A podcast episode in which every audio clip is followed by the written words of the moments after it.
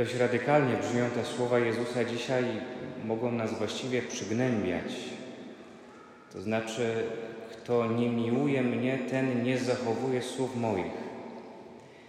Kiedy sobie uświadomimy, jak często nie zachowujemy słów Jezusa, jak często żyjemy obok Ewangelii, jak często przekraczamy Boże przykazania, to może nas to prowadzić do smutnego wniosku, że nie kochamy Boga. Rzeczywiście jakimś wyznacznikiem, jakimś miernikiem stopnia natężenia naszej miłości y, do Pana Boga jest rzeczywiście to, czy słuchamy Jego słowa i zachowujemy to słowo. Ale ważne jest, żebyśmy, i to jest zawsze ważne, żebyśmy słuchali Ewangelii i czytali Ewangelię nie zapominając o całości, o całym przesłaniu Ewangelii, o wszystkich słowach, które są zapisane w Ewangelii. Bo kiedy te słowa dzisiaj słuchamy, to warto byśmy mieli też w pamięci te, które słyszeliśmy jeszcze nie tak dawno w jedną z poprzednich niedziel, to znaczy ten dialog pomiędzy Jezusem a Piotrem, w którym przecież było również pytanie o miłość. I odpowiadał na to pytanie człowiek, który przecież nie zachował nauki Jezusa, nie zachował słów Jezusa. Czyli można by powiedzieć ten, który nie kochał. A jednak odpowiada Jezusowi na pytanie o miłość tak, Panie, Ty wiesz, że Cię kocham, Ty wszystko wiesz. Bo przecież Piotr kochał Jezusa, ale jego miłość była niewydoskonalona, była niedoskonała. I ona wymagała wydoskonalenia. Ale miernikiem poziomu tej miłości było właśnie, był właśnie stopień zachowania słów Jezusa. I myślę, że tak by trzeba odczytywać właśnie te słowa, które dzisiaj słyszymy. To znaczy, kiedy przyglądamy się, w jaki sposób zachowujemy przykazanie Jezusa i widzimy może, że nam to nie wychodzi, to nie powinno nas to prowadzić do poczucia, jacy jesteśmy beznadziejni, tylko raczej, żebyśmy zobaczyli, aha, jestem w takim momencie, to znaczy moja miłość jest niedoskonała, jest zbyt słaba, jest może dogasająca i ja potrzebuję ją rozniecić. Ja potrzebuję ją wydoskonalić. To znaczy, żebyśmy spojrzeli i usłyszeli w tych słowach słowa nadziei. Pan Bóg nie chce nas przekreślić i powiedzieć, nie, nie zachowujesz przykazań, to jesteś do niczego. Chce powiedzieć, sprawdź poprzez stopień zachowywania moich słów, jak bardzo mnie kochasz. W zeszłym tygodniu proponowałem, żebyśmy w ciągu tygodnia próbowali zobaczyć znaki Bożej miłości w naszym życiu.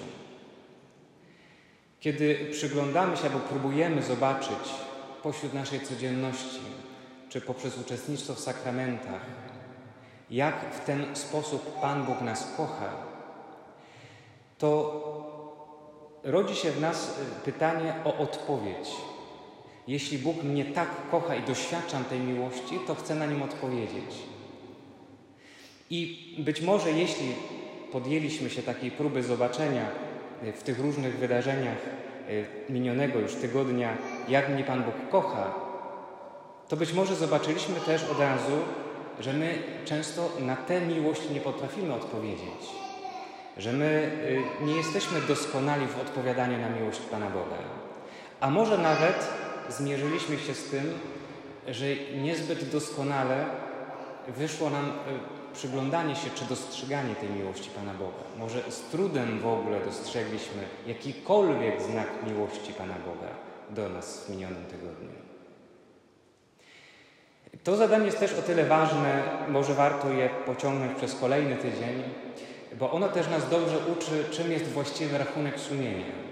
My się w rachunku sumienia często skupiamy na tym, co nam nie wyszło, bo przecież pójdziemy do spowiedzi wyznać grzechy, Sakrament pokuty i pojednania nie jest miejscem, gdzie się chwalimy, co nam wyszło, ale raczej mówimy, e, podajemy nasze grzechy, czyli wskazujemy na to, co nam nie wyszło, gdzie ta miłość nasza okazała się być słaba, niedoskonała. Ale w dobrym rachunku sumienia powinniśmy najpierw zobaczyć i dostrzec miejsca, w których odpowiedzieliśmy na miłość Pana Boga. Dostrzec najpierw Jego miłość, potem naszą odpowiedź, a dopiero potem zobaczyć, gdzie nam nie wyszło, bo to nam daje wtedy całościowe spojrzenie na nas. I pomaga i pozwala nam wtedy zobaczyć, że owszem, są przestrzenie, gdzie nam nie wychodzi, ale nie prowadzi nas to wtedy do poczucia beznadziei i do poczucia, że jesteśmy do niczego. To poczucie, że jesteśmy do niczego i, i że jesteśmy zbyt słabi i że nie potrafimy kochać Pana Boga, wsącza w nas nasz przeciwnik, czyli zły duch, który na wszelki sposób będzie chciał nam pokazać, że nie jesteśmy ani warci miłości Pana Boga, ani nie jesteśmy w stanie na tę miłość mu odpowiedzieć.